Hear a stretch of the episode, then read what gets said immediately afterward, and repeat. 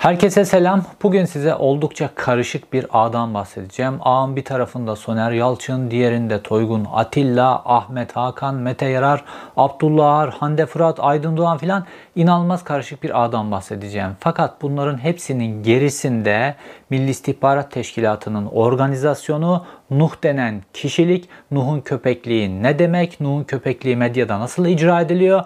Bunun bütün detaylarını size anlatacağım. Bunların hepsine gelmemize neden olan hadise benim geçen pazar yayınladığım videoydu. Nuh'un köpeği videosunda Hande Fırat'ın 15 Temmuz'daki o kritik telefon görüşmesiyle ilgili bir bilgi ifşaya olunca Twitter'da bir anda gündem oldu. 3 gün TT'den düşmedi ve bu konu Türkiye'nin gündemine oturdu ve Hande Fırat bir savunma yaptı. Hande Fırat savunma yaptığı gibi Ahmet Hakan'ı, Mete Yarar'ı, Abdullah Ağar'ı hepsi defansa geçtiler. Soner Yalçın'ı bir taraftan filan ve bunların hepsinin bazı açıklamalar oldu. Bu açıklamalar bize yeni açıklar verdi. Çünkü yalan yalanı doğuruyor. Şimdi bu açıklamaların gerçeği, bunların bu organizasyonun arka planında neler var? Bunların hepsine değineceğiz. Çok eğlenceli bir video olacak. Çok tartışmalı bir video olacak. Yine dop dolu, yine bilgi dolu bir videoyla karşınızdayım.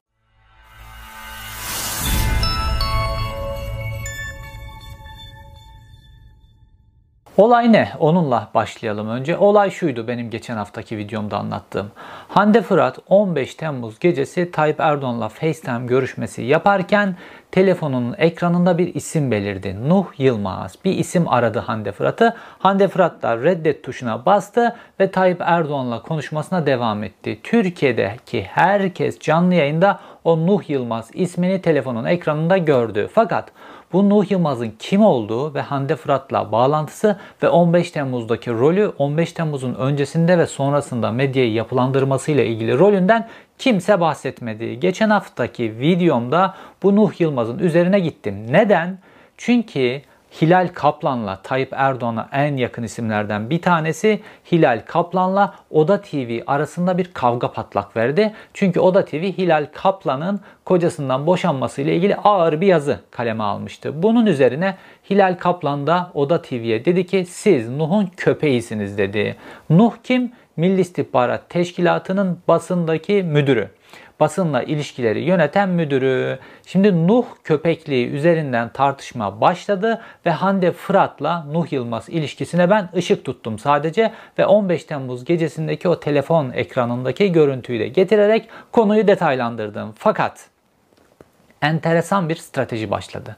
Bu videoyu yayınladıktan sonra işte isimlerini saydığım Ahmet Hakan'ından Mete Yarar'ına, Soner Yalçın'ından Toygun Atilla'sına herkes saldırıya başladı bana. Herkes farklı alanlardan bana saldırıyor ve herkesin eline bir hikaye verilmiş. Biri biri başka bir hikaye anlatıyor, biri beni PKK'lı yapıyor, biri beni terörist yapıyor, biri beni ajan yapıyor, biri vatan haini yapıyor. Herkese ayrı hikayeler verilmiş. Herkes kendi hikayesini satıyor fakat hepsinin ortak hedefi aynı kişi.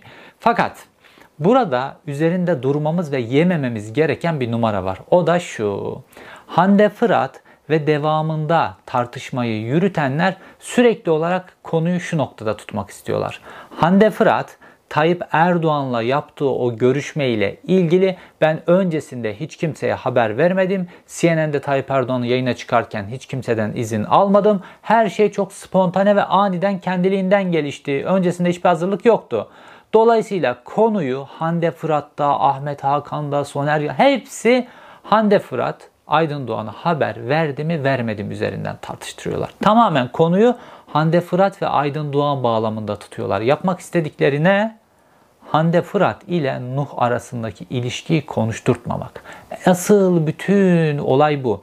Yani biz zannediyoruz ki olay çok büyüdü filan filan ve herkes de sosyal medya kullanıcıları da Hande Fırat Aydın Doğan önceden haber verdi mi vermedi mi bunu tartışıyor. Fakat mesele bu değil. Mesele Hande Fırat Nuh ilişkisi. Mesele Hilal Kaplan'ın ortaya döktüğü Oda TV'nin Nuh'un yani Milli İstihbarat Teşkilatı'nın köpeği haline gelmesi hadisesi.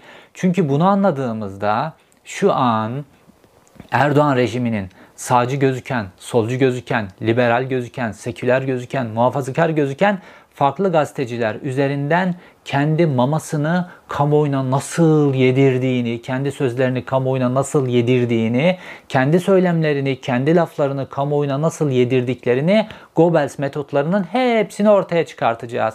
İşte bu konuşulmasın diye konuyu Hande Fırat Aydın Doğan bağlamının içerisine hapsettiler. Şimdi bu konuda bir iki bir şey söyleyeyim. Hande Fırat'ın bu konudaki savunmasını çökerteyim ve onunla birlikte bu savunma yapanların savunmasını çökerteyim. Ondan sonra esas Nuh kısmına, Soner Yalçınlara, Mete Yarlar'a aklınızın hayal edemeyeceği skandallara tek tek ve bu kişilerin iç yüzlerine tek tek geleceğiz. Çok eğlenceli bir video olacak. Şimdi Hande Fırat ne diyor? Öncelikle bununla başlayalım. Hande Fırat'ın bu FaceTime görüşmesi böyle tartışılınca benim videomdan sonra yine benim videomda atıf yaptığım fakat göstermediğim Aydın Doğan'ın bir konuşması vardı. Aydın Doğan Kelebek Ödül Töreni'ndeki konuşmasında Hande Fırat'a ödülünü verirken diyor ki benim bu konuşmadan önceden haberim vardı. Hatta sen Tayyip Erdoğan'a bu konuşmayı yaptır. Ben senin çıt çıtınla düğününü yapacağım. Hatta mobilyalarını alacağım diyor. Şimdi konuşma sosyal medyada hemen yayınlandı. Fakat bu kısmını, işte bu düğün kısmını vesaire bu kısmına odaklandılar. Esas sonundaki bir bölümü pas geçtiler. Bu bölümü pas geçince o bölümü video olarak yüklemedikleri zaman sosyal medya kullanıcıları Hande Fırat ve onun gibi bütün bu tezgahı bu şekilde savunanlara MIT'le, Nuh'la birlikte hareket edenlere bir savunma fırsatı verildi. Onlar da bu kanaldan yürüdüler. Fakat şimdi o kanalı da çökerteceğiz.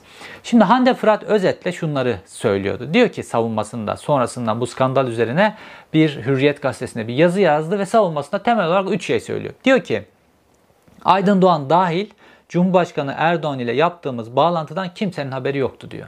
Her şey tamamen spontane kendiliğinden ani birkaç saniye içerisinde gelişti diyor. Bir. İki. O yayından yani 15 Temmuz gecesindeki yayından ve darbe gecesinden bir ay sonra İstanbul'da Aydın Doğan ile sohbet ederken Hande şimdi bir de gerçek anlamda yayına alırsan Tayyip Erdoğan'ı düğünün benden dedi diyor. Ve diyor ki Aydın Doğan bir ay sonra yaptığımız konuşmayla 15 Temmuz gecesindeki videoyu o Tayyip Erdoğan bağlansa birbirine karıştırdı diyor. Tarihleri karıştırdı. Ben de orada işte nezaketimden bunu düzeltmedim diyor. Fakat Hande bir de bir şey söylüyor. Diyor ki Tayyip Erdoğan'ın kapıda yaptığı açıklamayı göremeyince diyor ben de işte o da hemen Hasan Doğan'ı filan aramış. Şimdi Tayyip Erdoğan'ın o gece otelin çıkışında sözde yaptığı bir açıklama var. Bu açıklama yayınlanmıyor vesaire. Bu açıklamanın yayınlanmaması ile ilgili normalde Tayyip Erdoğan'ın işte 15 Temmuz'un kaderini değiştirecek ilk açıklaması ve bu açıklamanın yayınlanmaması nedeniyle yayınlanmayan bütün gazete yöneticileri başta Anadolu Ajansı'nın yöneticisi olmak üzere hepsinin darbeye yardım yataklıktan normal şartlarda soruşturma geçirmeleri lazım. Hepsinin mahkum edilmesi lazım. Fakat bu konunun kapağı hiç açılmıyor. Neyin kapağının açılmasını istenmediği gibi Nuh meselesinin kapağının açılmasının istenmediği gibi. Ama o hengamede kimse Tayyip Erdoğan'ın otelin önünde yaptığı konuşmadan haberi yokken kamuoyu ve biz günler sonra öğrenirken Hande Fırat'ın o gece haberi varmış. Diyor ki kapıda yaptığı açıklamayı da göremeyince diyor. Enteresan. Fakat buradaki savunmasını şimdi çökertecek kısma gelelim. Şimdi Hande Fırat diyor ki Aydın Doğan iki konuşmayı karıştırdı çünkü yaşlı. Tamam. Fakat o kelebek ödül töreninde Hande Fırat'la ilgili bu çıt çıt vesaire kısmını anlattıktan sonra Aydın Doğan şöyle enteresan bir şey söylüyor. Şimdi o kısmı Aydın Doğan'ın ağzından okuyayım bizzat. Videosunu göstermeyeyim. Kendiniz kelebek ödül törenleri Hande Fırat Aydın Doğan diye YouTube'a yazarsanız çıkar zaten. Aydın Doğan'ın konuşmasını ben buradan aktarıyorum. Çünkü videoyu kullansam telife girecek. Aydın Doğan aynen şöyle diyor. Değerli misafirler ben 15 Temmuz gecesi Hande'nin bu başarısını onun kadar heyecanlanmadan ama bayağı heyecanlı takip ettim. Hande bu programı yapabileceğini, Sayın Cumhurbaşkanı ile görüşebileceğini söylediğinde ben bunu nasıl yapabilir misin, becerebilir misin dedim. Yaparım dedi. Ben burada bir şey de söylemek durumundayım.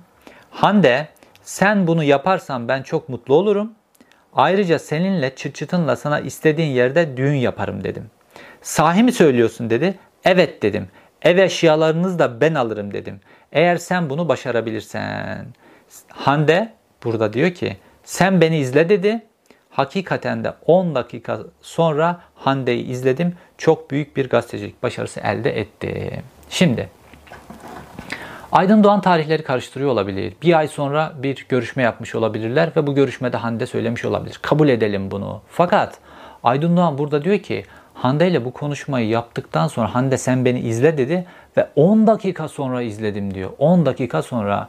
Şimdi 15 Temmuz'dan bir ay sonra Hande'nin dediği gibi Hande Aydın Doğan'la konuştuktan 10 dakika sonra Tayyip Erdoğan CNN'e çıkmış mı? 15 Temmuz'dan bir ay sonra Tayyip Erdoğan CNN'de hiçbir yayın yok. 2 ay sonra da yok, 3 ay sonra da yok, 4 ay sonra da yok, 5 ay sonra da yok. Yok. Yapmadı. Tayyip Erdoğan yayına çıkmadı. Şimdi hadi Aydın Doğan tarihleri karıştırdı. Aydın Doğan CNN'de seninle Tayyip Erdoğan'ın görüştüğünü bunu hayal mi etti? Şizofren mi? Yani bunaklıktan öteye mi geçti? Böyle bir şey mi uydurdu? Uyduruyor mu yoksa o konuşmanın hepsini? Hande Fırat'ın bize bunu açıklaması lazım. Çünkü patronu, eski patronu diyor ki Hande bana beni izle dedi. 10 dakika sonra izledim. Hakikaten de yaptı yayını diyor. Şimdi bir ay sonra yani normal bir yayın olsa Tayyip Erdoğan'la Hande Fırat arasında normal CNN'de bir canlı yayın falan olsa bunun günler öncesinden duyuruları olur. Bunun gün içerisinde 50 defa duyurusu geçer filan. Çünkü Cumhurbaşkanıyla görüşüyorsun ve 15 Temmuz sonrası filan. Bu o kadar çok reklamı yapılır ki böyle bir şey, böyle bir reklam yok. Yani böyle bir dünya mı var? Aydın Doğan Hande Fırat'a diyor ki Tayyip Erdoğan'la görüşebilir misin diyor. Hande Fırat da görüşürüm diyor. Sonra Aydın Doğan bir bakıyor 10 dakika sonra Hande Tayyip Erdoğan'ı canlı yayına çıkarmış. Böyle kolay mı bu iş? Hande arıyor Tayyip Erdoğan'ı Cumhurbaşkanı hop geliyor 10 dakika sonra CNN'de.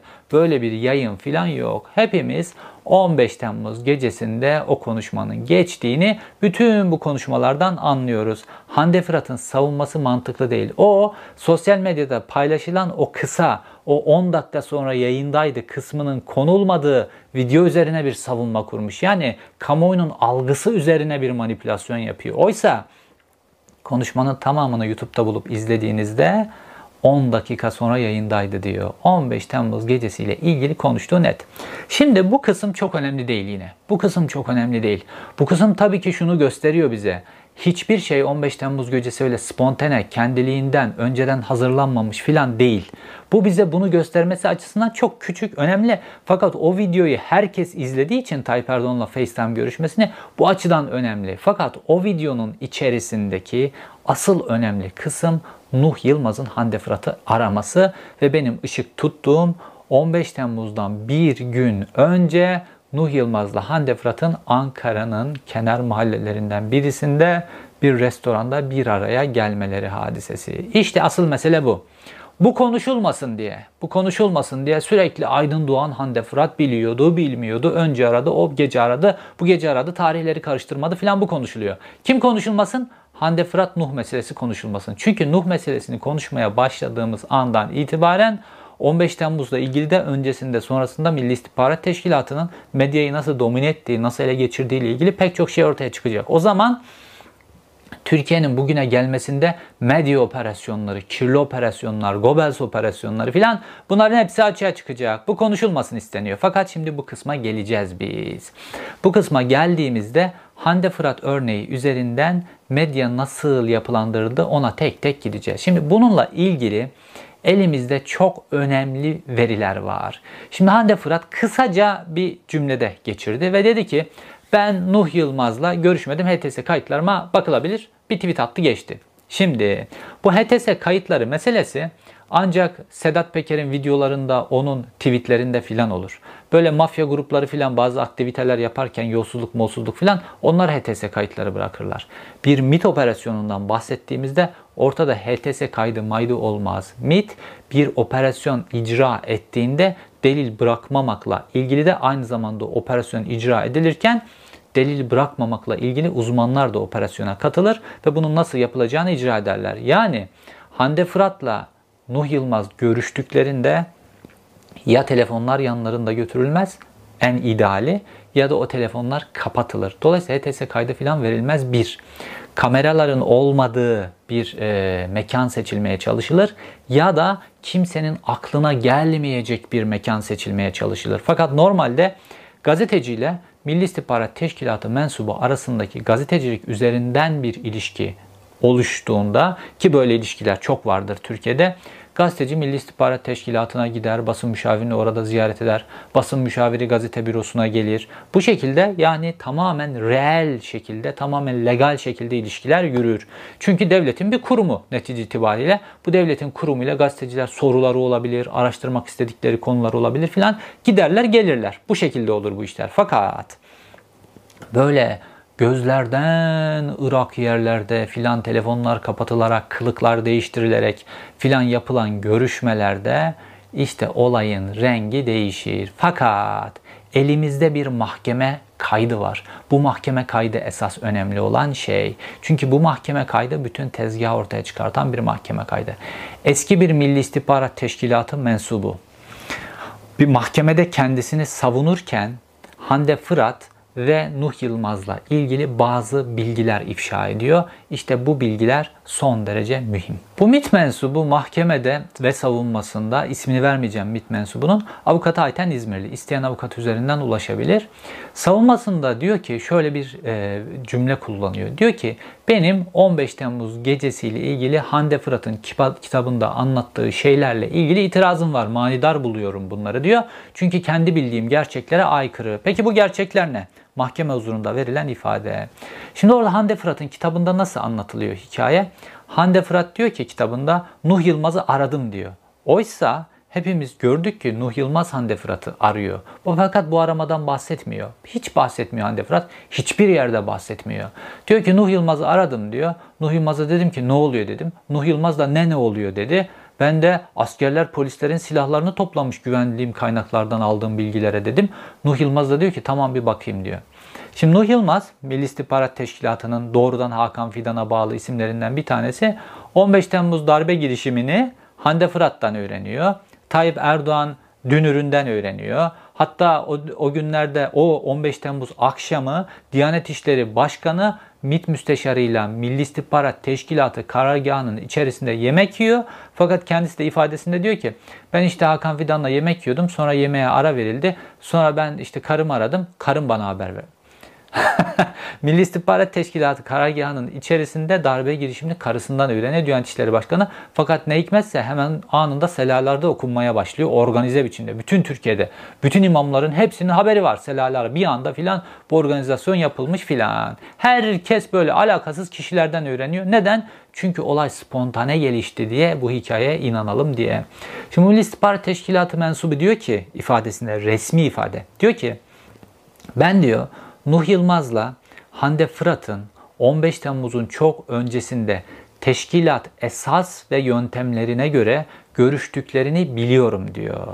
Ve 15 Temmuz'dan sonra da teşkilat esas ve metotlarına göre görüşmeye devam ettiklerini biliyorum diyor. Şimdi bu ne demek biliyor musunuz? Bunu da açıyor sonrasında. Şimdi teşkilat esas ve usullerine göre görüşme şu demek. Bir kişiyi elemanlaştırmışsanız ya da o kişi artık Milli İstihbarat Teşkilatı'na çalışıyorsa bununla görüşmekle ilgili teşkilat esas ve usulleri var bu görüşmelerin kayıt altına alınması, bu görüşmelerle ilgili güvenlik önlemlerinin alınması ile ilgili hazırlıkların yapılması, bu görüşmelerin bir amacı olması, bu görüşmelerde iletilecek mesajların önceden hazırlanması ve söz konusu hedef kişiyi kullanmak, angaje etmekle ilgili yapılması gereken planlı faaliyetler. Bunu ifade ediyor. Ve bununla ilgili de görüşmeye giderken kılık kıyafet değiştirmek dahil pek çok prosedür var. Teşkilat esas ve usullerine göre görüşme bu demek. Yani iki arkadaşın bir yerde buluşup yemek yemesi filan filan değil. Ee, teşkilat esas ve usulleri bu demek. Ve ifadesinde devam ediyor. Diyor ki MİT çalışanı havuz medyasından bir gazeteci yerine kısmen nötr bir kanaldan birisinin özellikle seçilmesine dikkat çekmek istiyorum diyor. 15 Temmuz gecesi Hande Fırat'ın bürokratik prosedürlerle uğraşmadan Erdoğan ile direkt görüşebilmesinin önceden ayarlandığı anlamına geliyor bu diyor. Milli İstihbarat Teşkilatı mensubunun yani Hande Fırat'la Nuh Yılmaz'ın teşkilat usul ve yöntemlerine göre görüştüğünü doğrudan içeriden bilen birisinin verdiği mahkemedeki ifade bu. Avukatın ismini verdim. İsteyen gider araştırır. Bununla ilgili bütün o Hande Fırat detaylarını çıkarır. Yetmiyorsa avukat üzerinden bu MIT personeline daha da detaylamasına sorular sorar ve bütün bu ilişkiyi ortaya çıkarır. Fakat bununla sınırlı mı? mesele. Hayır bununla sınırlı değil.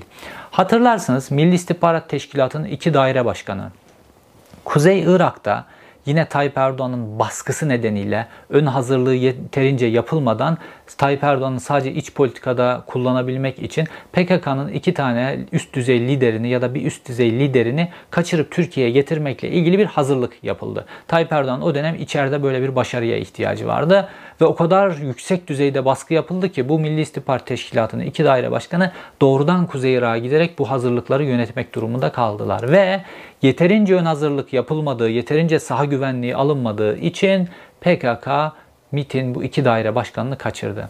Dünya istihbarat tarihinde görülebilecek en büyük skandallardan bir tanesidir. Bir tane örgüt, bir kırsal örgüt koca bir devletin istihbarat teşkilatının iki daire başkanını birden kaçırıyor.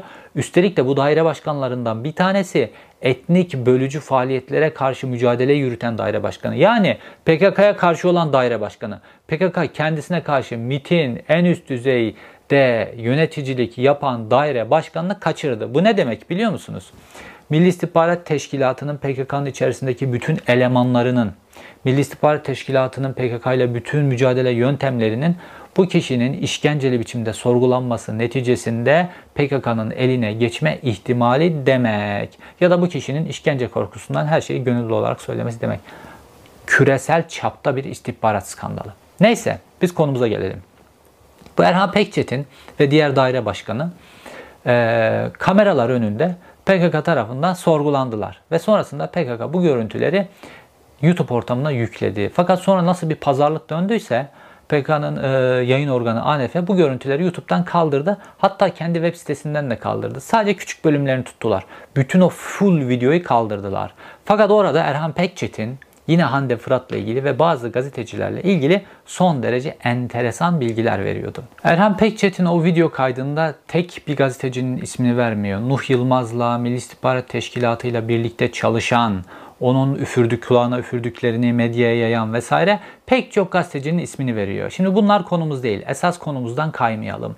Şimdi önce çalışma metodunu anlatıyor Erhan Pekçetin. Diyor ki Cumhurbaşkanlığında Hakan Fidan'ın her perşembe görüşmeleri oluyor.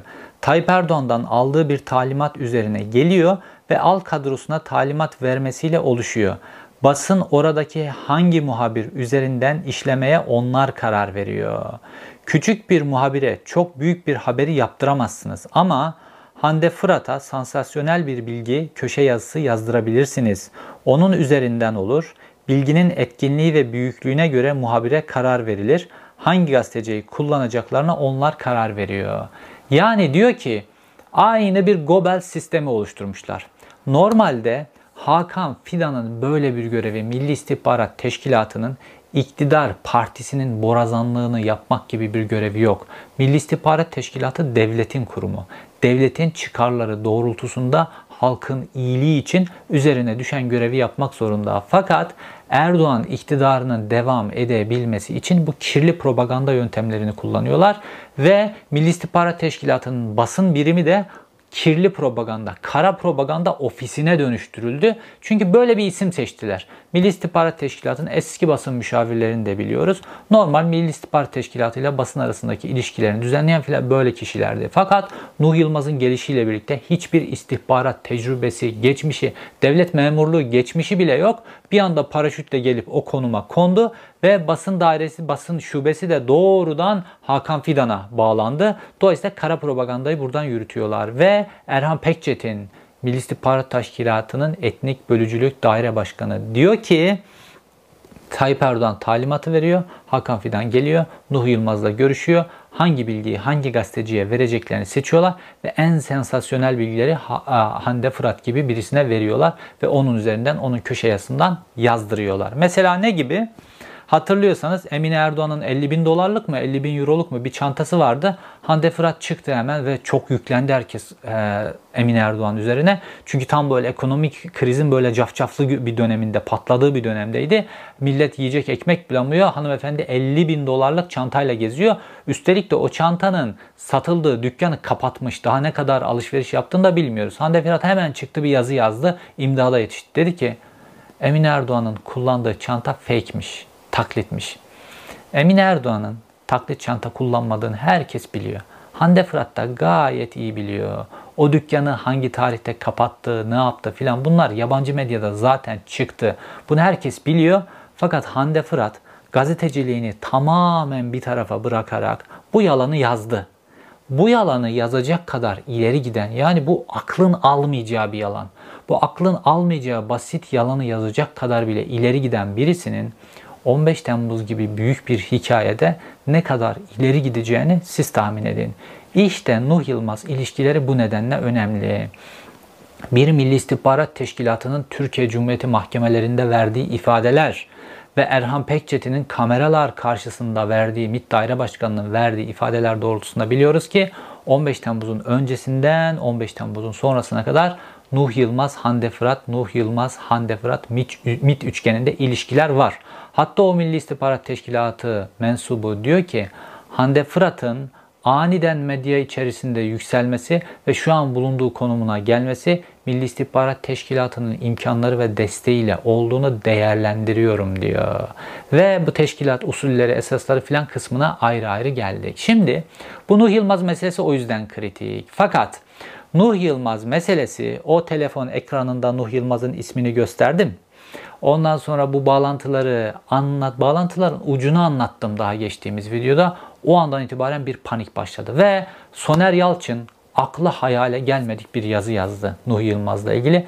Kendini aynı Milli İstihbarat Teşkilatı'nın içinde darbeye girişimini karısından öğrenen Diyanet İşleri Başkanı pozisyonuna düşürdü. Fakat şimdi ışıkları Soner Yalçın'ın üzerine çeviriyoruz. Hilal Kaplan köpeği olduğunuz Nuh'a bunu da böyle söyleyin deyince Oda TV ile Nuh Yılmaz arasındaki ilişki ifşa oldu kadınları kızdırmayacaksın. Hilal Kaplan'ı kızdırdılar ve Hilal Kaplan şişenin içerisindeki cini çıkardı. Şimdi bu konuşulmasın diye bir strateji, bir savunma stratejisi kurmuşlar. Tam kim inanır, kadir inanır tarzında bir strateji. Soner Yalçın şöyle bir yazı yazdı.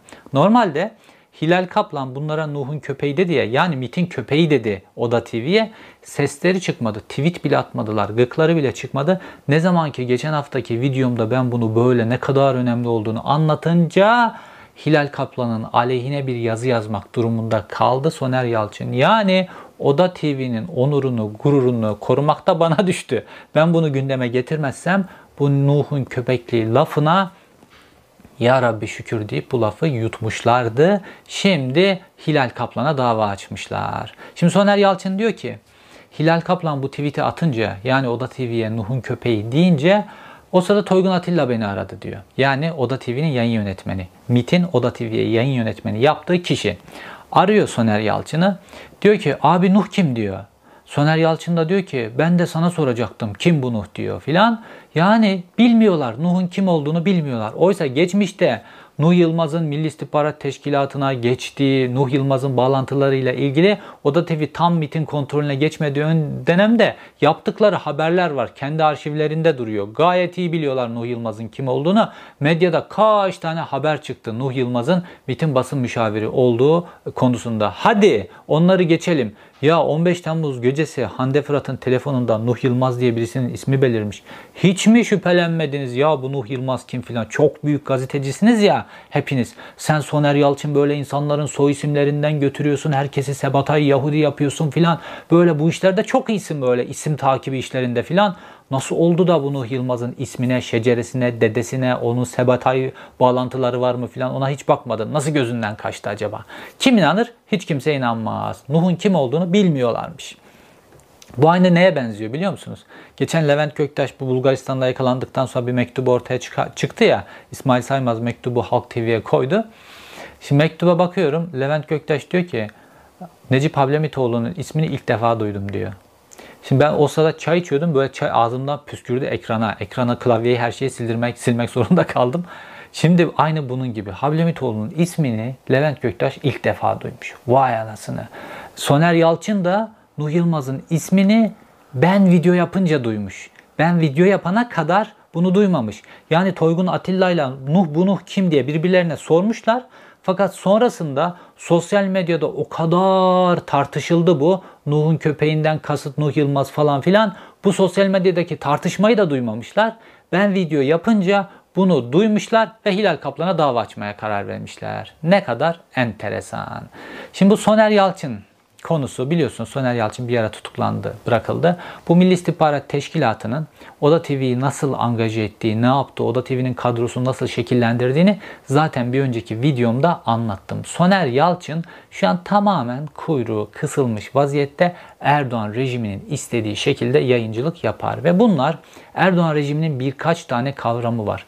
Herkesi terörist ilan etmek, herkese terörist, vatan haini, FETÖ'cü. Bu üç tane kavram üzerine kurulmuştur Erdoğan rejimi ve bunlar Oda TV bir yelpazeden, bir renkten, başka bir taraf başka bir renkten. Bunların hepsi Ahmet Hakan bir taraftan, Oda TV bir taraftan, Mete Yarar bir taraftan filan.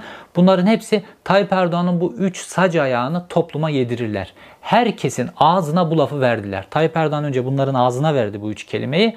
Bunlar da bütün topluma bu üç kelimeyi ezberlettiriyorlar. Çünkü bu Goebbels yöntemi, bu Hitler'in propaganda yöntemi. Önce diktatörün kelimeleriyle konuşacaksın. Sonra bütün toplumu diktatörün kelimeleriyle konuşur hale getireceksin. Bunu o kadar iyi başardılar ki şu an altılı masadaki insanlar bile birbirlerine başkalarını vatan hainliği, teröristlik, FETÖ'cülük bununla suçluyorlar. Başka yaptıkları bir şey yok. Rejimin dilini konuşuyorlar. Önce rejimin dilini terk etmezsen, rejimin dilini, rejimin kelimelerini kullanmayı, kullanmamayı bir prensip haline getiremezsen o rejimi yıkamazsın. O rejim devam eder. İlelebet devam eder. Önce bundan vazgeçmek lazım. Almanya'da Hitler sonrası alfabedeki bazı harfler yasaklandı. İki tane S'nin, S'in yan yana gelmesini bile yasakladılar. Şu an halen daha Almanya'da çocuklarına insanlar Adolf ismini koyamıyorlar. Bu derece ileri götürdüler. Ancak kurtulabildiler bu sistemden. Neyse. Soner Yalçın meselesi böyle. Nuh'u tanımıyormuş. Fakat Nuh'u gayet iyi tanıdığında hepimiz biliyoruz kendinin yaptığı haberlerden. Ayrıca Nuh Yılmaz üzerinden Oda TV'nin nasıl yönetildiğini filan onun detaylarını da zaten Erhan Pekçetin de veriyor. Milli İstihbarat Teşkilatı mensubu da veriyor. Ben videomda da zaten bunların hepsinin detaylarını anlatmıştım. Tabi eğer Soner Yalçın hiç bütün bunların hepsini bir tarafa bıraktık. Nuh'un kim olduğunu bilmiyorsa Milli İstihbarat Teşkilatı'ndaki kuzenine sorabilirdi. o ona Nuh'un kim olduğunu söylerdi. Şimdi bu şekilde yalanlara sığındıkları için yalan yalanı doğuruyor. İşte Hande de aynısını yaptı maalesef. Yalan yalanı getiriyor, yalan yalanı getiriyor. Yok Aydın Doğan tarihleri karıştırdı. Yok Aydın Doğan yaşlıydı, bunu aktı, oydu, buydu. Şimdi öyle bir noktaya geldi ki Aydın Doğan'a şizofren demek zorunda. Çünkü adam diyor ki 10 dakika sonra gördüm diyor. Fakat sen bir ay sonra da Tayyip Erdoğan'ı yayına çıkarmadın. Şimdi tek çare Aydın Doğan'a şizofren demek. Olmayan yayınları görüyor. CNN Türk'ün ekranlarında. Şimdi o da TV'de böyle. Şimdi yalan yalanı doğurduğu için en sonunda yeni bir yalan üretmek durumunda kaldılar. Şimdi beni karalayabilmek için şimdi videoların etkisi, hakikatin gücü karşısında duramadıkları için karalamaya çalışıyorlar ve bu karalarken de toplumun en hassas olduğu noktalardan bazı şeyler seçmişler. Bunları yapıyorlar. Mesela böyle işte e, bel altı meseleler çok hassastır ya. Deniz Baykal'ın kasetini bu yayınladı filan. Güzel böyle en ileri gidilebilecek noktada bir suçlama. Sonra PKK'lı. Şimdi de bunu icat ettiler. E, Toygun Atilla uzun uzun 3 gün yazı yazdı. Ben PKK'lıymışım, şöyleymişim, böyleymişim filan. Bunlar üzerinde beni karalamaya çalışıyorlar. Yani şunu diyemiyorlar. Ya bu adam Kürt, Ondan sonra ha Kürtlüğümü üzerinden doğrudan söyleyecekleri için, tepki çekecekleri için PKK demek durumunda kalıyorlar ve bu şekilde kendilerine göre hayali senaryolar üretmişler. Ben böyle 20'li yaşlardayken daha böyle bir elimde cemaati yönetiyorum, bir elimde PKK'yı yönetiyorum. Sonra bunların ikisini bir araya getiriyorum, bazı operasyonlar yaptırıyorum filan. 20'li yaşlardaki hızıma bakın yani. Geçenlerde de bir tane deli var, tam bir deli. Sebahattin Önkibar diye. Böyle öyle şeylerle beni suçluyor ki böyle. Mesela diyor ki deniz feneri soruşturması meselesinde bu diyor karşı tarafta durdu. Ondan sonra deniz feneri meselesinin hiç üzerine gitmedi. Ya deniz feneri meseleleri patladığı zamanlar ben daha böyle genç bir gazeteciyim yani. Benim yazdığım haber yazı işleri sayfaya koyarsa girer, koymazsa girmez. Ben o zaman senin gibi köşe sahibi miyim? Televizyonlarda yayınlarım falan mı var? Ya ben o zamanlar daha küçük bir adam. Hatta geçenlerde 28 Şubat'la ilgili bir meselede suçladı beni. Ya 28 Şubat'ta ben üniversite öğrencisiyim. Ne gazeteciyim, ne böyle gazetecilikle ilgili bir şeyim var. İnternette bir tane blogum bile yok yani. Oraya kadar konuyu götürdüler. Artık neyle karalasak? Mesela 28 Şubat'la ilgili suçlayalım ki muhafazakar kesimin gözünden düşsün. PKK ile ilgili suçlayalım ki böyle milliyetçi falan bu konularda hassas olanların gözünden düşsün. Onun aile değerleriyle ilgili duyarlı olan kişilere bu Deniz Baykal'ın kasetini yayınladı filan. Herkes ayrı hikaye uydurmuş Nuh. Herkesin eline bir hikaye veriyor Nuh. Herkes o hikayeyi yayınlıyor. O da TV'ye de düşen beni PKK'lı yapmak olmuş. Her hafta bir şey yapıyor beni. Eğer bir dahaki hafta eğer seçme hakkım varsa sevgili Toygun Atilla, eğer bir örgüt seçme hakkım varsa Antifa gibi böyle bir örgüt olabilir. Çünkü Yunanistan'dayken antifaşist hareketin bazı üyeleriyle görüşmelerim olmuştu. Oradan bir bağlantı kurabilirsin. Ondan sonra Antifa ile ilgili bana bir şey yapabilirsin. Eğer seçme hakkım yoksa yoksa tabii sen kendin bir örgüt seçebilirsin. Sevgili gazeteci arkadaşım, işportacı Toygun Atilla. Şimdi Gelelim Mete Yarar kısmına. Bu Mete Yarar geçenlerde Ahmet Hakan'la bir televizyon programına çıktı CNN'de. CNN Türk'te. Televizyon programında bana salladılar. Bir buçuk saat sallıyorlar. Şimdi Ahmet Hakan faslına da geleceğim birazdan ama Mete Yarar kısmına bir gelelim.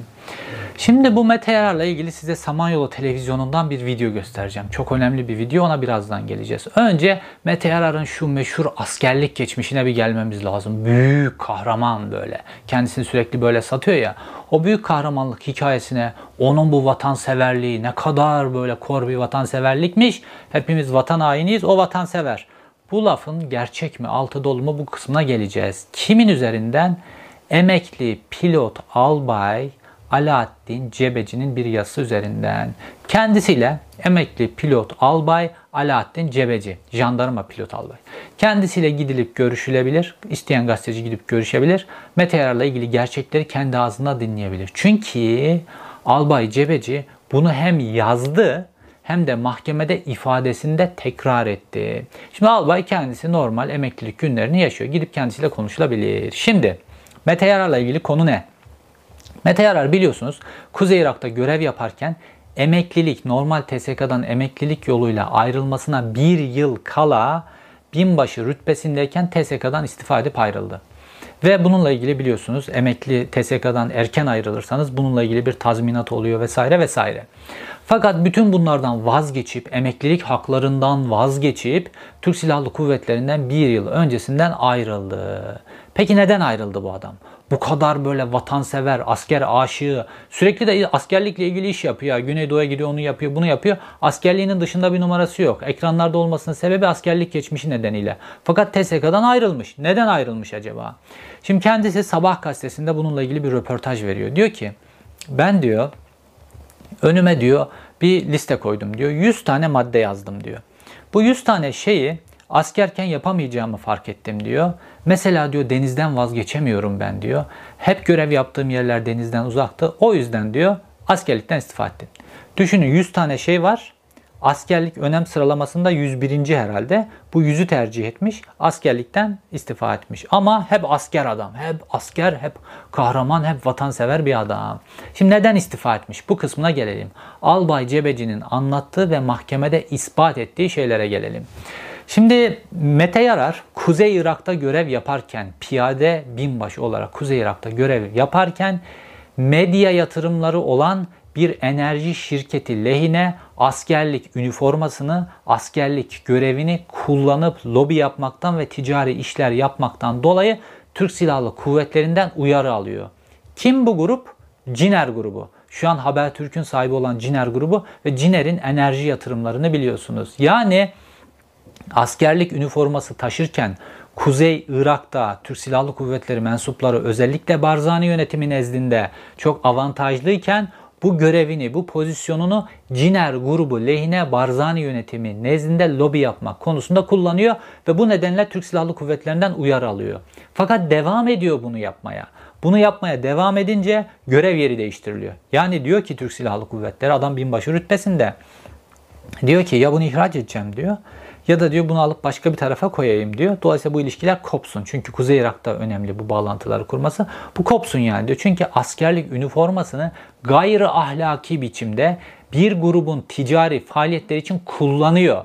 Bu sebeple TSK bunun görev yerini değiştiriyor. Görev yerini değiştirince para tatlı geliyor Mete Yarar'a. Ve hemen TSK'dan istifasını veriyor.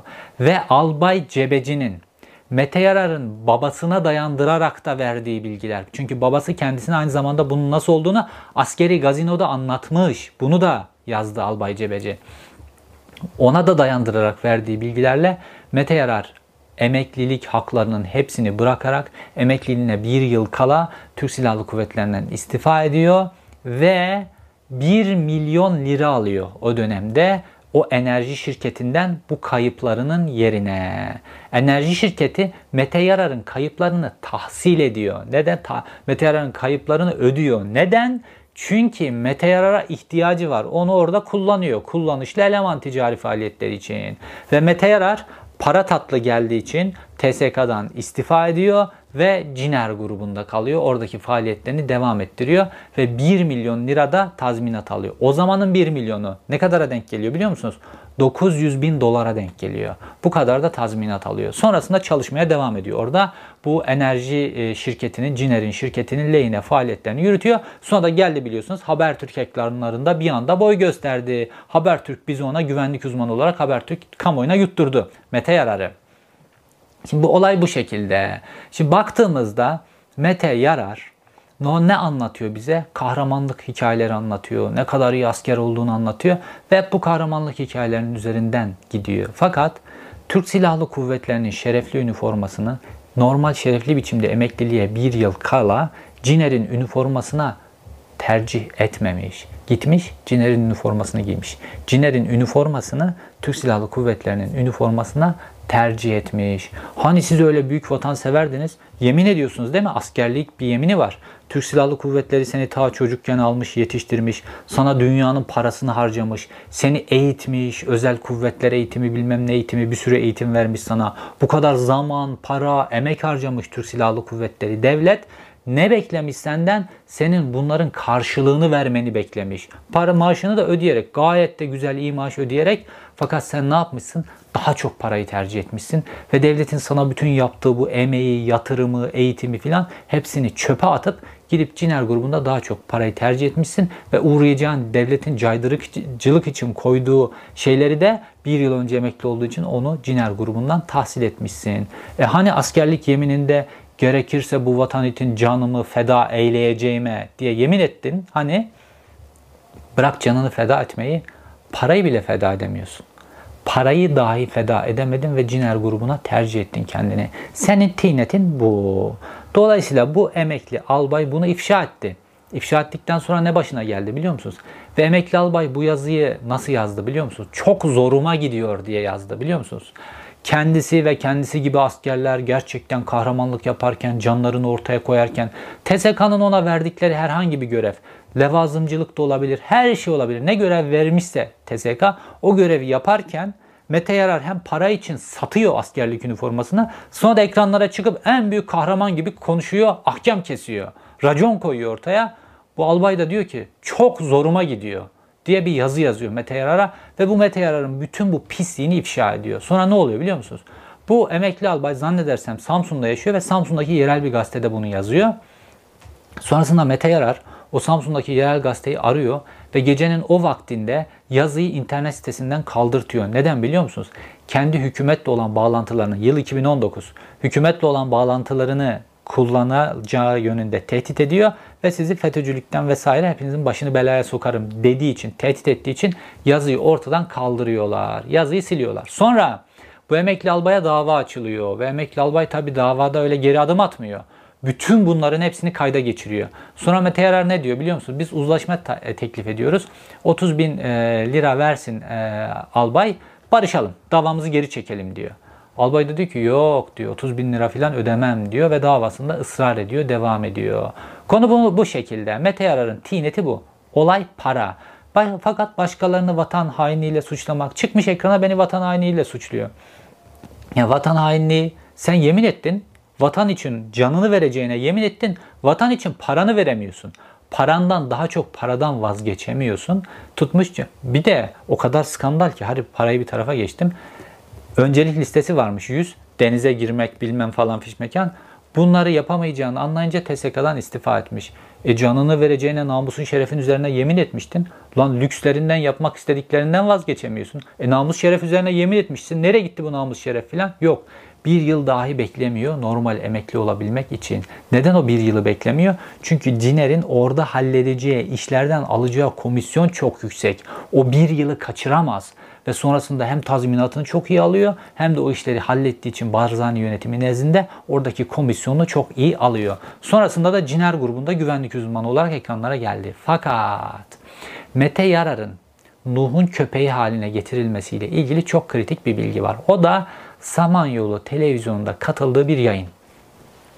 Şimdi bunu nasıl MIT'in köpeği haline, Nuh'un köpeği haline geldi? Onun detayını anlamamız açısından bu yayın çok önemli. Biliyorsunuz 17-25 Aralık operasyonları oldu 2013'ün sonunda. 17-25 Aralık operasyonları işte Rıza Zarrab, ondan sonra Ali Ağoğlu filan gibi bazı iş adamları, bazı İranlı şahıslar bunların hepsini içeren operasyonlardı büyük devasa bir yolsuzluk operasyonu. Dört tane de bakan işin içerisinde. Bilal Erdoğan işin içerisinde.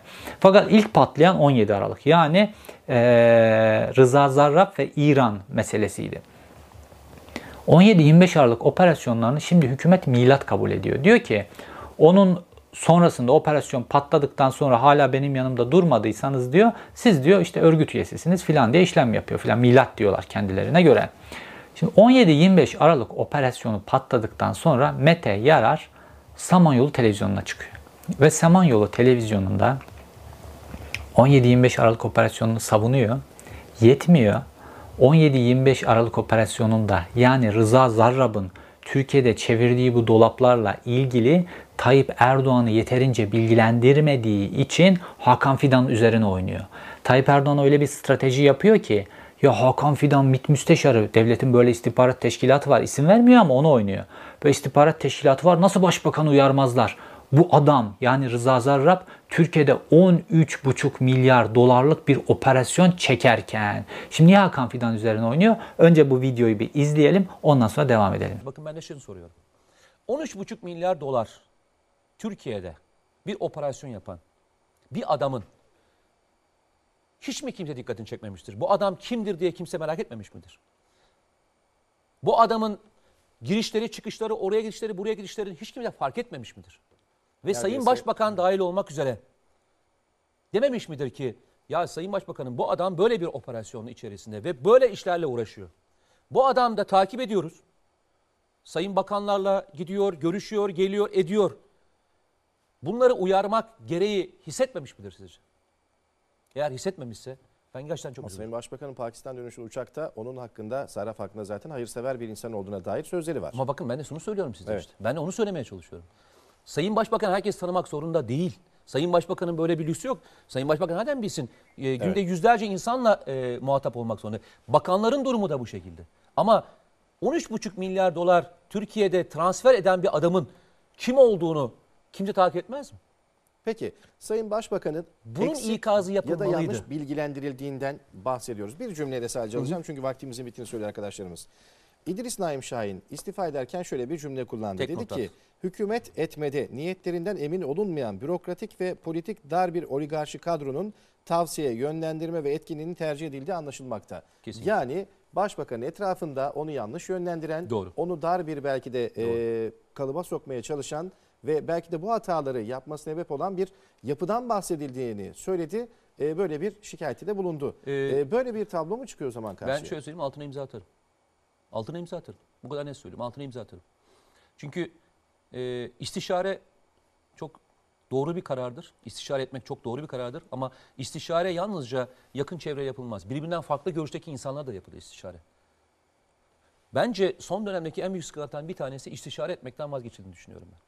Yani farklı farklı mercilerle, farklı farklı görüşteki insanlarla da görüşebilmek ancak istişare sayılır. Tek kaynaktan beslenildiği belki. Tek kaynaktan beslendiğinizde evet. e, yapacak çok fazla bir şey yok. Şimdi görüyorsunuz İdris Naim Şahin'in dönemin işte istifa eden AKP milletvekili eski İçişleri Bakanı'nın açıklamasının altına imza atarım diyor. İdris Naim Şahin o açıklamasında hükümeti yerden yere sokuyor. Yolsuz, hırsız her şey filan diyor. Ama Mete Yarar'ın oradaki esas hedefi Hakan Fidan. İstihbarat nasıl başbakanı uyarmadı Rıza Zarrab'ın 13,5 milyar dolarlık operasyonu ile ilgili. Çünkü o dönem eğer bunu hükümete yedirebilirlerse yani Hakan Fidan'ı koltuğundan edebilirlerse Mete Yarar takımının Hakan Fidan'ın yerine düşündüğü bir isim var. Onu realize etmeye çalışıyorlar. MIT nasıl aslında şunu demek istiyor. Ya polis bu kadar operasyon yaparken Rıza Zarrab böyleyken falan MİT nasıl bu polisin bu operasyonu yürüttüğünden, savcının bu operasyonu yürüttüğünden başbakanı haberdar etmedi. Tab hep Hakan Fidan oynuyor. Hep Hakan Fidan oynuyor. Fakat başaramadılar on, e, Hakan Fidan'ı yemeyi. Sonrasında 15 Temmuz'dan sonra da Mete Yarar bu sefer başka bir stratejiyle yine aynı noktaya dönüktü. Bu Zekai Aksakallı vardı ya Özel Kuvvetler Komutanı. Mete Yarar bunu bir promote ediyor, bir promote ediyor böyle. Hakan Fidan'ın yerine bu sefer de onu düşünüyorlar. Yine aynı strateji. Nasıl Hakan Fidan 15 Temmuz'la ilgili hükümeti bilgilendirmez. Arka planda 15 Temmuz'la ilgili Hakan Fidan Tayyip Erdoğan'ın bilgisi dahilinde neler çevirmiş bunlardan haberi yok ama kamuoyuna bunu yedirirsek eğer Hakan Fidan'ı belki yeriz oradan Zekai Aksakallı paşalarını yerine koyarız diye. Fakat Hulusi Akar bunu yer mi? Hulusi Akar Hakan Fidan birlikteliği Zekai Aksakallı'yı da yedi. Fakat ondan sonra Hakan Fidan gel bir bakalım dedi. Mete Yarar'a sen benim kucağıma gel bir bakalım dedi. İşte Nuh'un köpekliği süreci başladı burada. Şimdi normalde 17-25 ne hükümet için darbe. Yolsuzluk operasyonu değil. Ve sen Mete Yarar olarak herkes fellik fellik cemaat televizyonlarından kaçarken Samanyolu televizyonuna çıkmışsın. Bir de orada diyor ki bunu bugün TV'de de söyledim. Bugün TV'ye de çıkmışsın. Herkes fellik fellik kaçarken orada ekranlara çıkmışsın ve bu tip bir operasyon yürütüyorsun. Normalde hükümet 17-25'e darbe dediği için şu an 17-25 operasyonlarını yapan savcıları, polisleri darbecilikten mahkum etti. 17-25'e de darbe diyor. Tıpkı Gezi'ye darbe dediği gibi darbecilikten mahkum etti. Sen de operasyonları övüyorsun. Hem de Samanyolu televizyonda senin en azından örgüt üyeliğinden 6,5 yıl yemen lazım. Hatta darbeye yardım ve yataklıktan 15 yıl yemen lazım. Şimdi bu tehlike olduğu için Mete Yarar'ın artık operasyon yapamaz hale geldi. Ne oldu Mete Yarar'a? Mete Yarar geldi Hakan Fidan'ın kucağına. Sen bir gel bakalım dediler. Şimdi Mete Yarar CNN Türk televizyonunda, Habertürk'te, orada, burada Nuh ne derse onu yapıyor.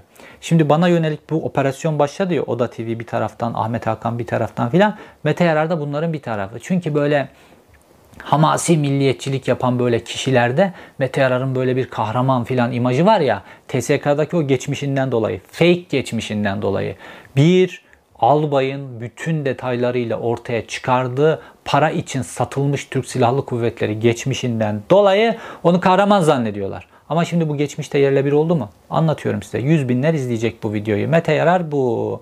Ve o Samanyolu televizyondaki o videosu nedeniyle de şu an Nuh'un kucağına oturmuş birisi. Nuh onun ağzına hangi kelimeleri verirse Mete Yarar o kelimelerle konuşuyor. Buna mecbur. Çünkü buz gibi delil orada duruyor. Halen daha samanyoluhaber.com internet sitesine girip aratma bölümüne Mete Yarar yazarsanız bu videonun kaydını bulabiliyorsunuz. Delil buz gibi internette duruyor. Dolayısıyla Mete Yarar Mete Yarar'ın söyledikleri beni vatan haini ilan etmesi filan bunların hiçbirisinin önemi yok. Fakat neden anlatıyorum Mete Yarar'ı? Çünkü bu Nuh'un ekibini anlatmamız lazım. Esas olan Nuh. Nuh'un ekibi esas Milli İstihbarat Teşkilatı'nın bu kara propaganda ekibi çok önemli. Çünkü önümüzdeki seçimlerde de bu ekibi kullanacaklar. Bakın bu karakterler var ya saydığım bu karakterler. Hepsini altılı masayı darmadağın etmek için bir pozisyonda görevlendirecekler. Hepsini bu şekilde kullanacaklar. Şimdi aniden benim üstüme gelme sebepleri de ne biliyor musunuz? Benim şu an Türkiye'nin en etkili bireysel gazetecilik kanalını yürütmem nedeniyle en çok izlenen bireysel gazeteci olmam nedeniyle YouTube'da beni karalamak için PKK'lı Deniz Baykal'ın kasetçisi hatta ne kadar ileri gittiler biliyor musun? Çok komik. e, Nihat Genç diye bir tane e, histerik bir adam var. Sürekli histeri nöbetleri geçiriyor ekranda. Böyle hep karşısında da onun geçmişte Serdar Akinan mı öyle birisi vardı. Şimdi başka birisi var. Böyle sakin tipler koyuyorlar karşına böyle eblek gibi bakan. O böyle karşısında histeri nöbetleri geçiriyor onu. Şimdi geçenlerde de benimle ilgili böyle bir histeri nöbeti geçirmiş. Diyor ki ben ruj sürüyormuşum. Ruj sürüyormuşum. Ben böyle diyor. Şimdi artık e, terörist diyorlar, vatan haini diyorlar filan bu kavramlar yetmiyor. Tamam mı? Artık çok affedersiniz ibne terörist demeleri lazım. Ha, dozu arttırıyor bir türlü yetmiyor. Dozu arttıralım arttıralım Türkçe'de ne var? İbne var. Ha Rus sürüyormuşum filan. İşi bu noktaya kadar indirdiler. Fakat bunların hiçbirisi etkili olmuyor. Şimdi kampanyaya çevirdiler. Her biri bir kanaldan filan saldırıyor. Fakat bu saldırılar bize ne imkanı veriyor? hepsinin iç yüzünü ortaya dökme imkanı veriyor. İşte Nuh'un bütün ağını ortaya çıkaralım ki 2023 seçimlerinde bu ağın neler yapacağına, bunların söyleyecekleri her kelimenin Nuh'un ağzından çıktığına emin olun. Bunların kendi kelimeleri yok, kendi lafları, kendi düşünceleri yok. Bunlar MIT'in Nuh'un laflarını konuşuyorlar. Ekranları hepsi böyle bunları konuşuyorlar. Şimdi Mete Yarar'ı böyle gömdük mü? Ahmet Hakan'a gelmeden önce gelelim başka bir kahramana, Abdullah Ağar'a. Bir de onun kahramanlığını anlatalım. Bu Abdullah Ağar da eski bir asker. Piyade yüzbaşı bu. Binbaşı da değil Mete Yarar gibi. Piyade yüzbaşı. İkisi de piyade sınıfından zaten.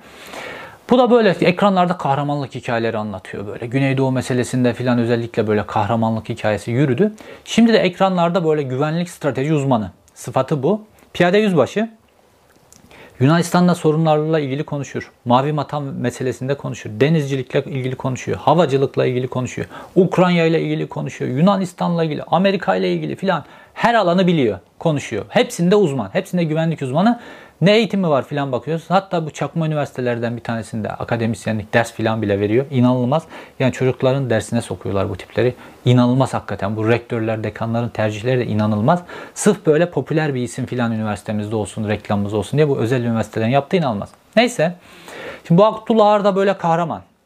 Şimdi size birkaç tane onun kitabının ismini okuyayım. Sonra o kahramanlık hikayesini nasıl çökerteceğiz. Kitaplar Abdullah Ağar'ın.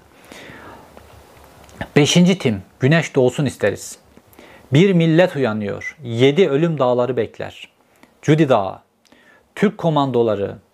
Silahın Zülfikar'ın olsun Mehmetçik. Ölüm dağları bekler Cudi Dağı.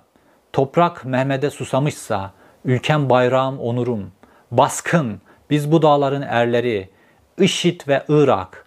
Beled el nifak vel şikak. Kitapların isimlerine bak. Wow böyle milliyetçilik, muhafazakarlık, din tam Türk İslam sentezi. Kitaplar almış yürümüş. Büyük kahraman Abdullah Ar. Şimdi gelelim Abdullah Ar'la ilgili belgemize. Tam ekran gösteriyorum size bu belgeyi. Ne yazıyordu Abdullah Ar'ın Türk Silahlı Kuvvetlerinden ayrılma gerekçesi olarak? Yabancı uyruklu evlilik diyor. Bu ne demek biliyor musunuz? Şimdi Türk Silahlı Kuvvetlerinden ayrılırsanız, erkenden ayrılırsanız, emek 45 yaşı zannedersem sınırı var orada. Erkenden ayrılırsanız bir tazminat ödemeniz gerekiyor. Çünkü devlet size yatırım yapmış. Sizi ta ortaokul çocuğuyken almış, okutmuş, yurdunda kalmış, yedirmiş, bedava içirmiş, size kılık kıyafet vermiş, çok önemli bir eğitim vermiş. Türkiye'nin en kaliteli üniversite e, okullarından birisiydi askeri ortaokullar, askeri liseler filan. Bunlarda eğitim vermiş, Harp Akademisi'ne gö vesaire bir ton para harcamış size. Bir eğitim vermiş ve askerlik çok kritik bir şey. İnsanların oradan ayrılmaması lazım. Çünkü çok bu eğitimin neticesinde sizden 20-30 yıl çok üst düzey bir hizmet bekliyor. Hatta 40 yıl bekliyor bu hizmeti. Dolayısıyla insanlar böyle erkenden ayrılmasınlar diye orada bir tazminat maddesi var. İnsanlar erken ayrılamasın diye. Fakat yabancı uyruklu bir kadınla evlenirseniz eğer TSK'dan istifa etme hakkınız oluyor. Bu da neden konulmuş geçmişte? İşte bazen askerler gidiyorlar mesela yurt dışı görevde orada birisiyle tanışıyor. Evlenmemiş, yuva kurmuş. Yani artık orada bir şey yapmanla, bir istisna taşı, ta, tanıman lazım. Fakat sonradan askerler bunu yola çevirdiler. Ve özellikle Türkiye böyle bu Rusya'dan filan Ukrayna'dan filan çok böyle kadınlar gelince çalışmak için Türkiye'ye bu böyle bu yabancı uyruklu kadınlarla para karşılığında fake evlilik yapmaya başladılar. Ve böyle ticari meselelerde filan işler yapmak isteyen o işlere gözü açılan askerler filan bu fake evliliklerle tazminatsız olarak TSK'dan ayrılmaya başladılar. İşte Abdullah Ağar'ın şu anki evliliği, eşi çocuğu filan gerçek filan. Ama bu evliliği fake. Yani o böyle uğruna öleceği, uğruna ölmek üzere namusu ve şerefi üzerine yemin ettiği, devletin bu kadar para harcadığı kendisine TSK'dan fake bir evlilikle istifa ediyor gidiyor. Ama imajı nasıl? O büyük asker. Kamuoyuna nasıl anlatıyor bu? Yaralanmış. Yaralanmış. TSK'dan ayrılmak zorunda kalmış filan. Hikaye bu şekilde. Sonra beş parmak dağları, Judy, Vatan Toprağın filan kitaplar uçuşuyor havada. Ne kahramanlık hikayeleri. Helikopterden helikoptere atlarken şarjör değiştiriyorlar havada filan. Böyle. Levent Göktaş'ta da ilgili öyle. 500 tane PKK'nın arasına atılmış. Ondan sonra 100 tanesini öldürmüş sağ çıkmış. Böyle hikayeler anlatılıyordu Levent Göktaş'la ilgili. Gördük işte Bulgaristan'da yakalandı, yakalandığı halini gördük Levent Göktaş'ın. Ya işin enteresanı Mustafa Kemal Atatürk en büyük madalyaları almış. Kurtuluş Savaşı'nı yönetmiş. O Filistin'de cephe yönetmiş, Çanakkale'de cephe yönetmiş. Ondan sonra devasa savaşlar kazanmış. Atatürk'le ilgili böyle hikaye yok. Mesela hiç şöyle bir hikaye duydunuz mu Atatürk'le ilgili, Mustafa Kemal Atatürk'le ilgili? 500 tane Yunanlı'nın arasına atıldı, sağ çıktı filan. Onunla ilgili böyle hikaye yok. Ama bunlarla ilgili var ya Levent Göktaş 500 PKK'nın arasına atılmış. Bu Cüdi Dağı'nda bilmem ne yapmış falan filan. Böyle hikayeler hikayeler. Otur otur yaz hikayeler. Ama gerçeğine döndüğümüzde Mete Yarar Ciner grubuna kendini satmış. Askerlik üniformasını satmış. Abdullah Ağar TSK'dan firar etmiş resmen. Fake evrakla kendini askerliğe elverişsiz hale getirmek diye bir suç var biliyor musunuz askerlikte? Yapanlar bilir. Ben yaptım askerlik Kayseri'de.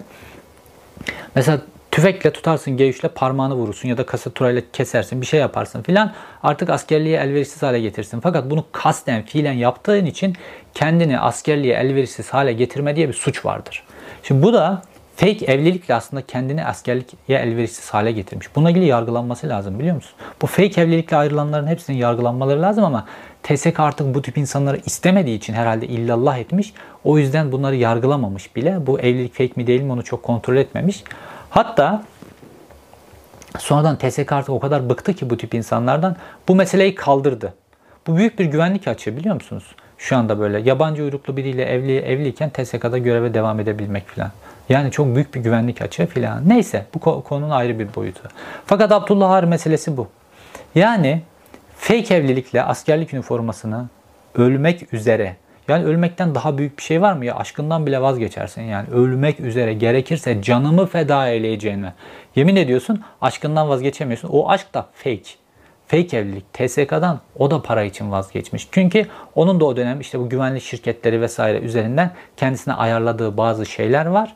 O alana geçmek istediği için böyle bir fake evlilikle parayı ölmek üzere uğruna yemin ettiği askerlik mesleğine tercih etmiş. Kim kahraman?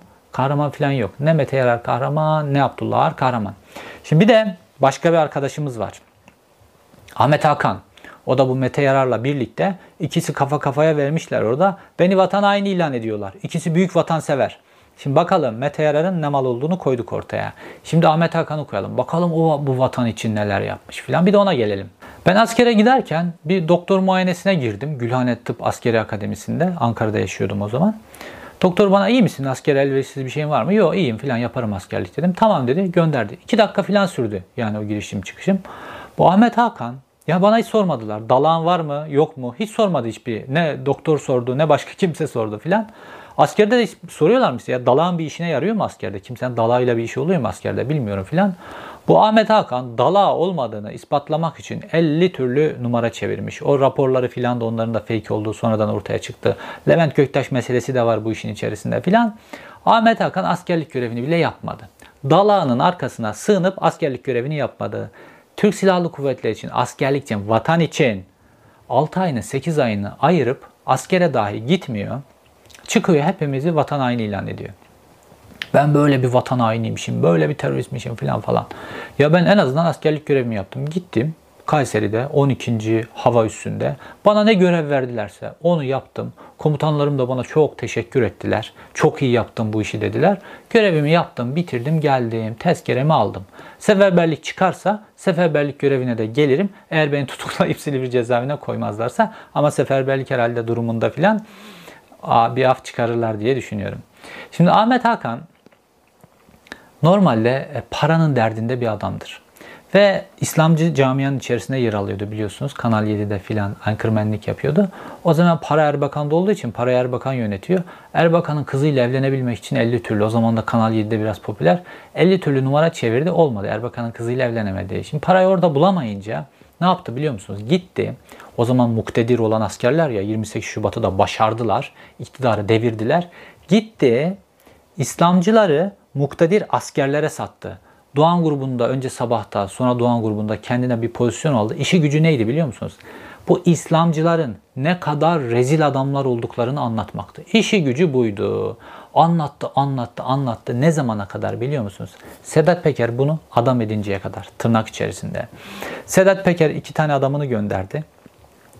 Bunun ağzını, burnunu, çünkü aslında çok ağzını burnunu kırmadılar. Biraz dövdüler, kaburgası kırılmıştı sadece. Yüzünde öyle çok darp izi yoktu. Biraz hırpaladılar yani bunu.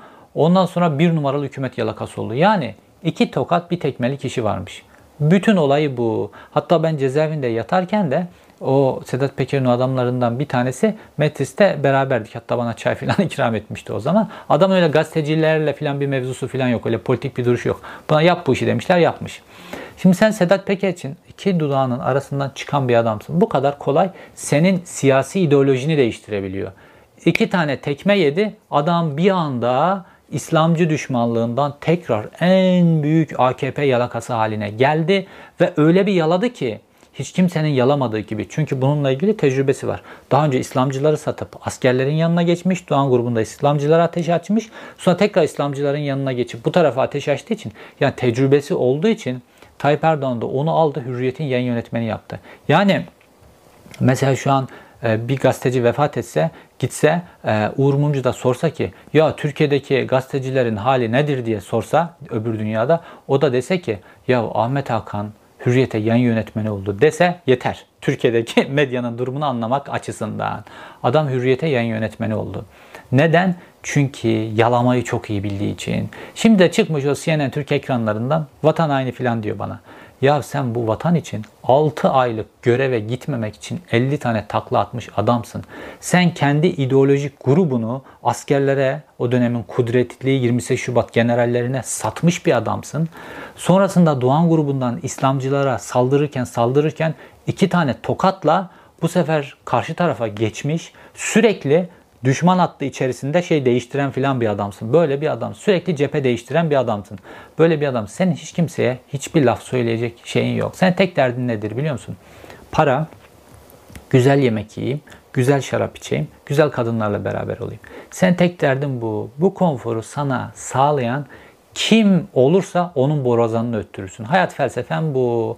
Böyle de devam edeceksin. Senin gibi adamlar hep var olmaya devam ederler. Fakat Hepiniz o kadar düştünüz ki, hepiniz o kadar düştünüz ki Nuh'un köpekliği. Nuh kim biliyor musun? Nuh Yılmaz.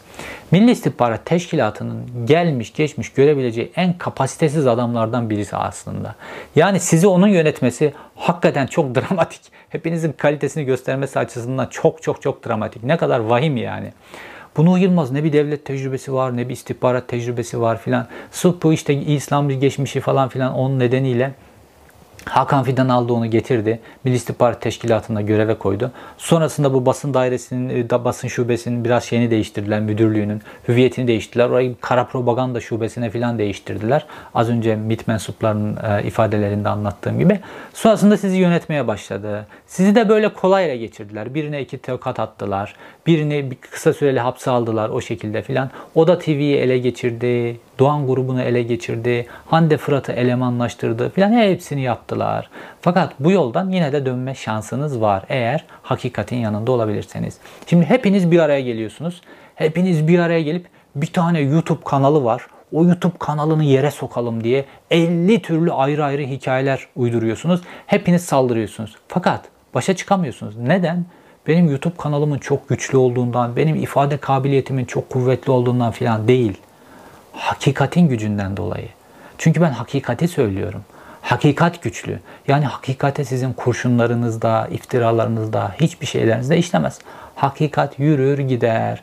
Tamamen olay hakikatle ilgili. Siz hakikate savaş açtınız. Bu yüzden kaybedeceksiniz. Yapacak bir şey yok. Şimdi gelelim olayın sonucuna. Diyanet İşleri Başkanı 15 Temmuz'da Milli İstihbarat Teşkilatı karargahındayken darbe girişimini karısından öğrenmiş. Levent Göktaş Necip Hablemitoğlu'nun ismini yeni duymuş. Soner Yalçın'la Toygun Atilla Nuh'un kim olduğunu bilmiyorlarmış. 15 gün araştırmamışlar. Benim videomdan duymuşlar. Ve böyle sürekli olarak hayali hikayeler. Herkes bir hikaye anlatıyor. Ahmet Hakan bir hikaye anlatıyor. Mete Yarar bir hikaye anlatıyor. Onlar filan ve buna inanmamızı bekliyorlar. Her taraflarından tel tel dökülen hikayeler. Fakat bunlar gerçek eninde sonunda açığa çıkıyor ve bunların hepsinin de fake olduğu, üretilmiş olduğu, herkesin her şeyin farkında olduğu ortaya çıkıyor. Şimdi bunların ortaya çıkması ne demek biliyor musunuz? 15 Temmuz'la ilgili meselelerin 15 Temmuz öncesindeki yapılan hazırlığın ortaya çıkması demek. Hazırlığın yapıldığının ortaya çıkması ne demek biliyor musunuz? Bu 251 şehidin göz göre göre nasıl kaybedildiğinin ortaya çıkması demek. Dolayısıyla hepsinin bu kanda eli var. Hepsinin ortaya çıkması demek. Hande Fırat bu sebeple Nuh Yılmaz'la 15 Temmuz'dan bir gün önce yaptığı görüşmeyi itiraf edemez. Fakat bu ortaya çıkacak. Tıpkı o Nuh Yılmaz görüntüsünün ekranında belirdiği gibi bu gerçek de ortaya çıkacak. Diyanet İşleri Başkanı'nın Hakan Fidan'la yaptığı o görüşmedeki selah hazırlıkları vesaire bunların hepsi ortaya çıkacak ve hep beraber nasıl kan akmasına Türkiye'de yol verdikleri, izin verdikleri hatta bunu organize ettikleri hepsi detaylarıyla ortaya çıkacak. Fakat bunları ortaya çıkacak gazetecileri yok etmeleri lazım. Bunları ortaya çıkartacak kişileri yok etmeleri lazım. 15 Temmuz'u hatırlayın. 15 Temmuz oldu. Görevden aldıkları ilk kişi kim oldu biliyor musunuz? Hakim ve savcılar. Neden? Çünkü hakikati ortaya hakim ve savcılar ortaya çıkartacaktı. Sonra ne yaptılar? Medyayı hedef aldılar. 165 tane medya organını, irili ufaklı web siteleri, yerel gazetelere kadar, radyolara kadar kapattılar. 200'e yakın gazeteci tutukladılar. Neden? Medyaya gözdağı vermek için. Hakikati ortaya çıkaracak kişilere hedef aldılar. Normalde beklersiniz ki 15 Temmuz olmuş önce binlerce askeri emekletsinler. Böyle bir şey değil. Önce hakikati eşeleyecek kişileri, savcıları, hakimleri, gazetecileri hedef aldılar. Şimdi de bir seçim sürecine gidiyoruz.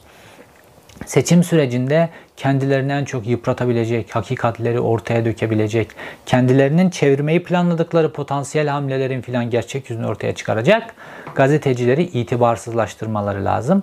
Bu itibarsızlaştırmaları da Nuh'un ürettiği fake hikayeler üzerinden herkese rengine göre hikaye dağıtmışlar. Herkesin durduğu siyasi pozisyona, ideolojisine göre hikaye dağıtmışlar.